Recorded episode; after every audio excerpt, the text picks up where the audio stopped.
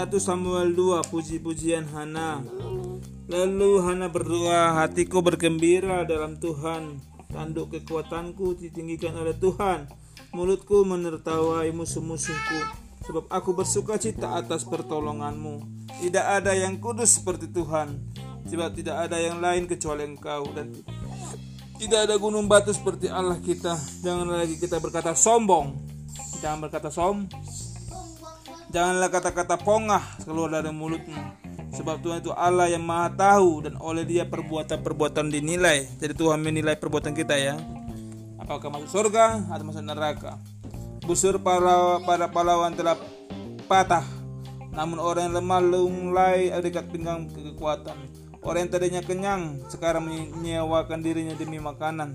Tapi orang yang tadinya lapar sekarang tidak lagi. Bahkan perempuan yang mandul melahirkan tujuh anak tapi yang banyak anak-anaknya menjadi merana. Tuhan mematikan dan menghidupkan.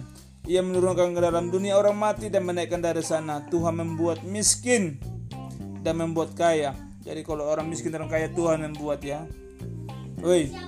Ia merendahkan dan meninggikan juga. Ia meninggikan orang lemah dari dalam tebu, dari dalam debu dan mengangkat orang miskin dari timbunan abu untuk mendudukkannya bersama para bangsawan dan membuatnya menjadi kursi kehormatan. Sebab tiang penyangga bumi adalah milik Tuhan.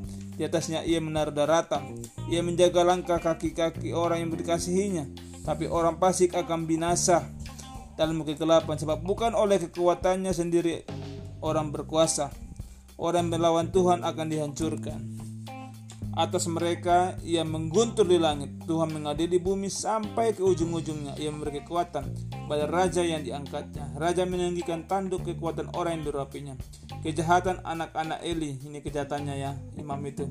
Lalu Elkana pulang ke Rama. Tetapi anak itu menjadi pelayan Tuhan di bawah pengawasan imam Eli.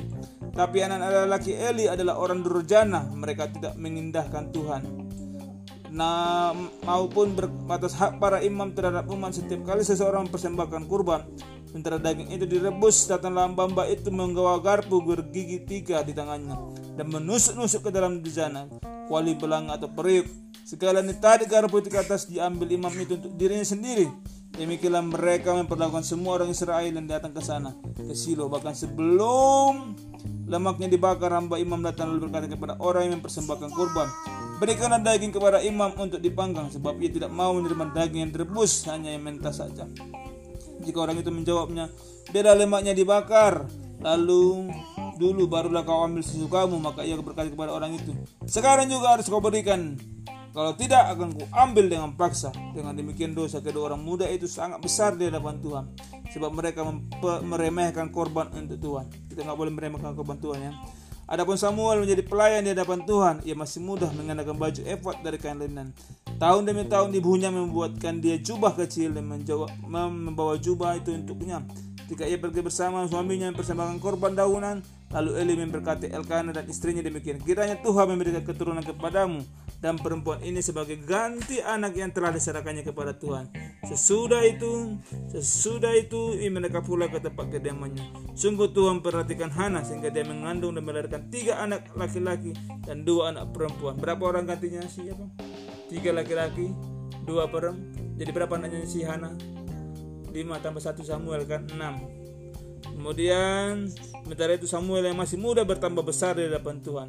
Eli sudah tua sekali. Ia mendengarkan segala sesuatu yang dilakukan anak-anaknya terhadap semua orang Israel dan bahwa mereka tidur dengan perempuan-perempuan yang bertugas di pintu kemah pertemuan. Karena itu ia berkata kepada mereka, "Mengapa kamu melakukan hal-hal seperti itu? Sehingga kau dengar dari segenap bangsa ini tentang perbuatan-perbuatan yang jahat. Jangan begitu anakku, bukan kabar baik yang kudengar disebarkan umat disebarkan umat Tuhan. Jika seorang berdosa terhadap yang lain Allah telah menengahi menengahi. Jika seorang berdosa terhadap Tuhan siapa yang dapat menengah, menjadi penengah baginya?